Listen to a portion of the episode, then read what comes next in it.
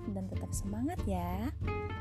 Dan kembali lagi di podcast podcast PPKN.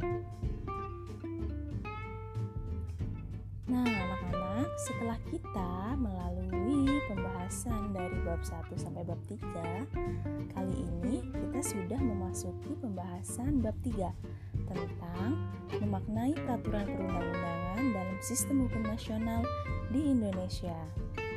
Nah, di podcast kali ini kita akan membahas tentang sub A mengenai makna tata urutan peraturan perundang-undangan di Indonesia. Oke, langsung saja kita masuk ke pembahasannya. Nah, anak-anak, hukum ini senantiasa atau selalu ada dalam kehidupan masyarakat. Nah, hukum ini bersifat mengikat seluruh anggota masyarakat. Adakah suatu masyarakat yang bebas atau tanpa hukum? Tentu saja tidak ada.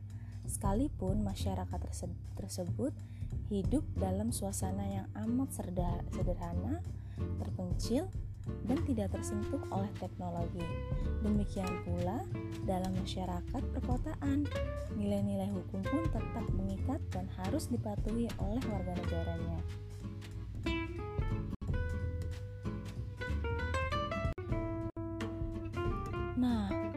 Hidup bernegara, hukum ini menjadi alat untuk menciptakan ketertiban dan keadilan suatu masyarakat atau negara pasti akan mengalami kekacauan apabila hukum tidak dilaksanakan oleh masyarakat dengan baik dan penuh kesadaran.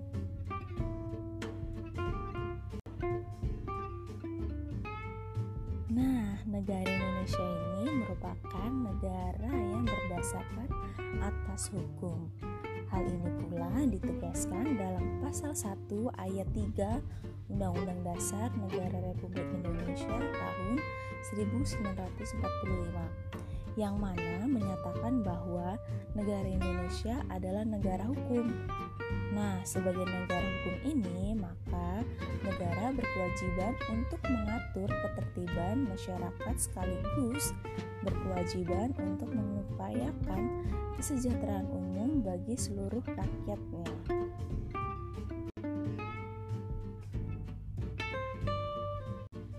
Untuk mewujudkan hal tersebut, pemerintah mengeluarkan berbagai macam peraturan negara yang mana biasa disebut dengan peraturan perundang-undangan. Nah, seluruh peraturan perundang-undangan ini harus berdasarkan atas Undang-Undang Dasar tahun 1945.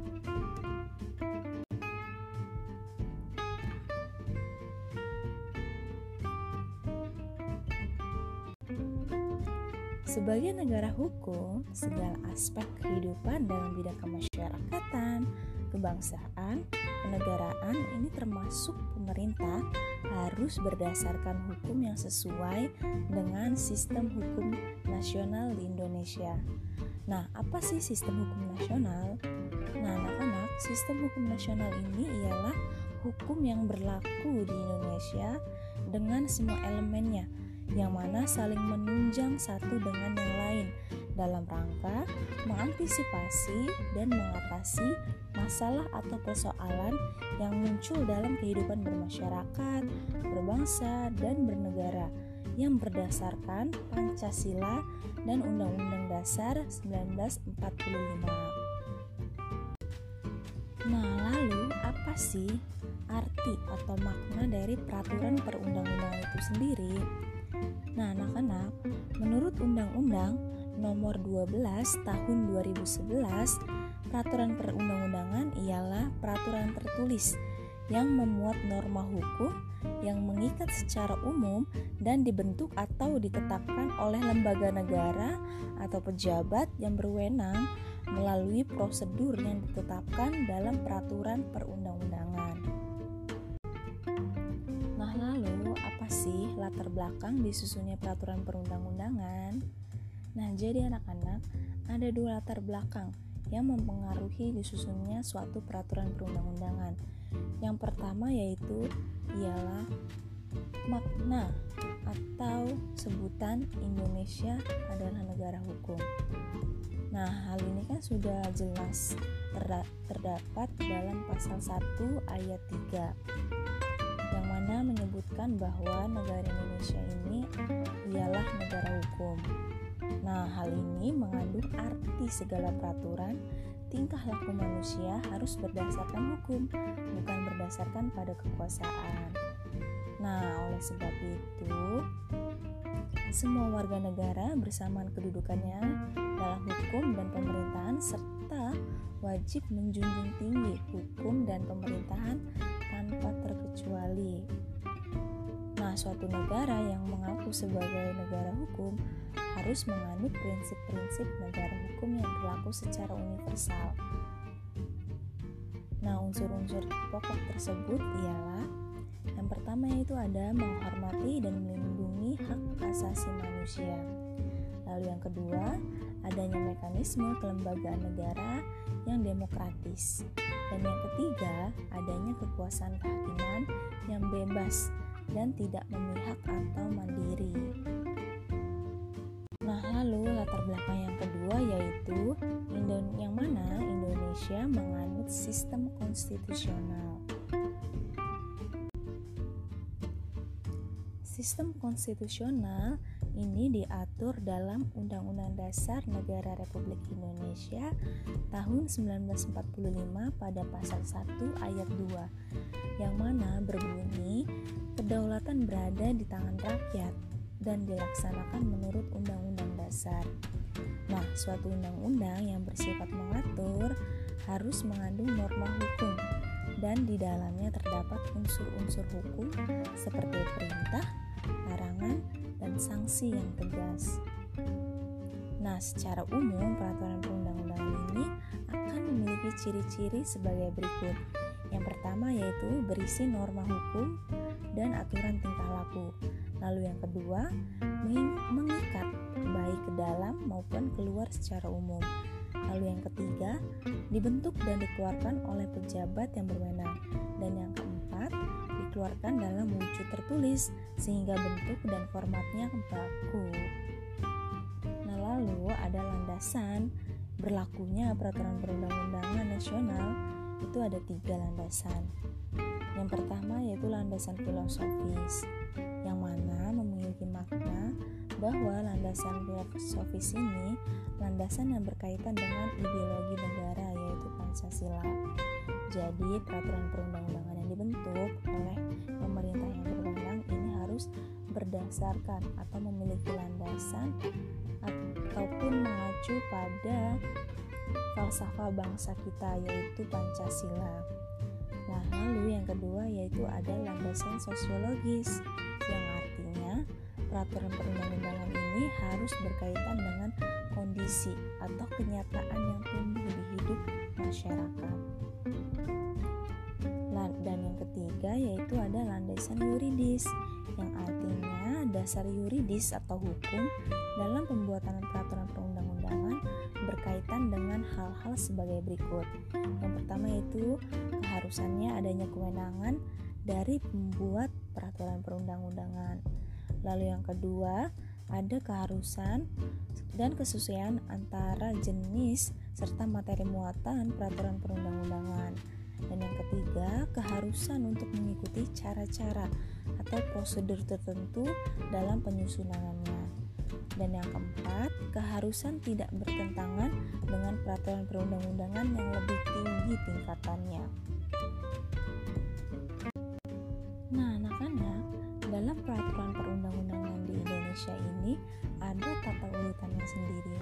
Nah, apa sih maksud dari tata urutan peraturan perundang-undangan?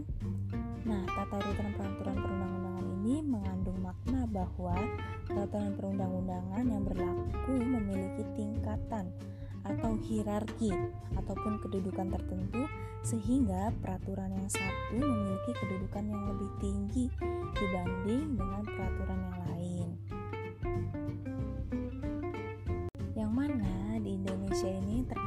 Jenis dan hierarki atau kedudukan dari peraturan perundang-undangan yang mana sesuai dengan pasal 7 Undang-Undang Nomor 12 Tahun 2011 yang terdiri dari yang paling tertinggi. Yang pertama yaitu ada Undang-Undang Dasar Negara Republik Indonesia tahun 1945.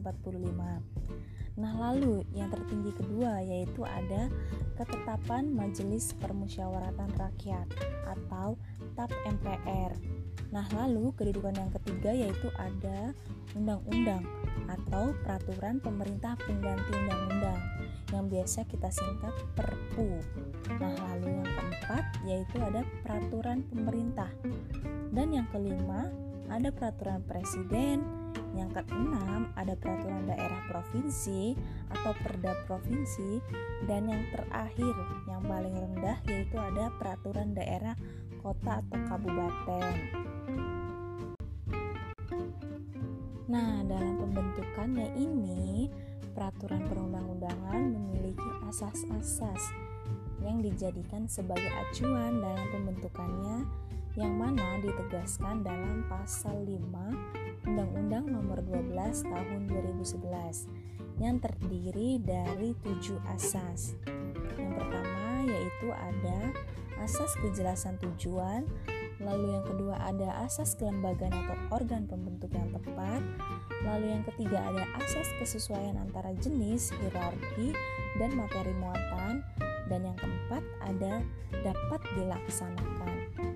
Lalu yang kelima ada asas kedayagunaan dan kehasilgunaan. Dan yang keenam ada asas kejelasan rumusan. Lalu yang terakhir ada asas keterbukaan. Nah, dalam asas-asas peraturan perundangan ini terkandung juga nilai-nilai yang fundamental, yaitu yang pertama, keadilan sebagai tujuan hukum dan yang kedua yaitu kesusilaan sebagai kaidah tingkah laku dan yang ketiga membenarkan atau kebenaran melahirkan keadilan.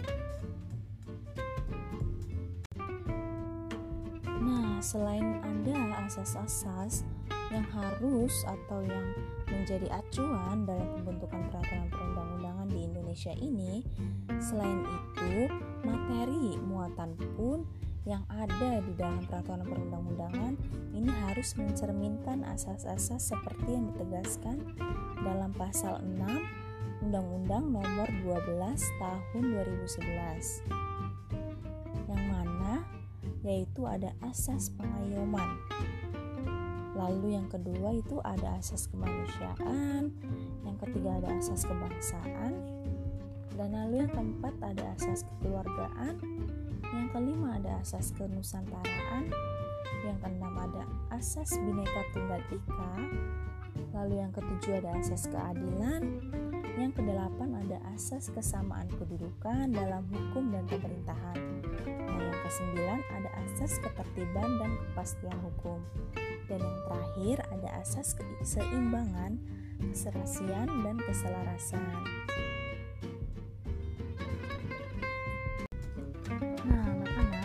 Dari pembahasan kita pada kali ini dapat ditarik satu kesimpulan, di mana dalam suatu negara yang berdasarkan atas hukum, maka akan memiliki peraturan-peraturan perundang-undangan atau peraturan-peraturan yang mengatur kehidupan dalam bermasyarakat.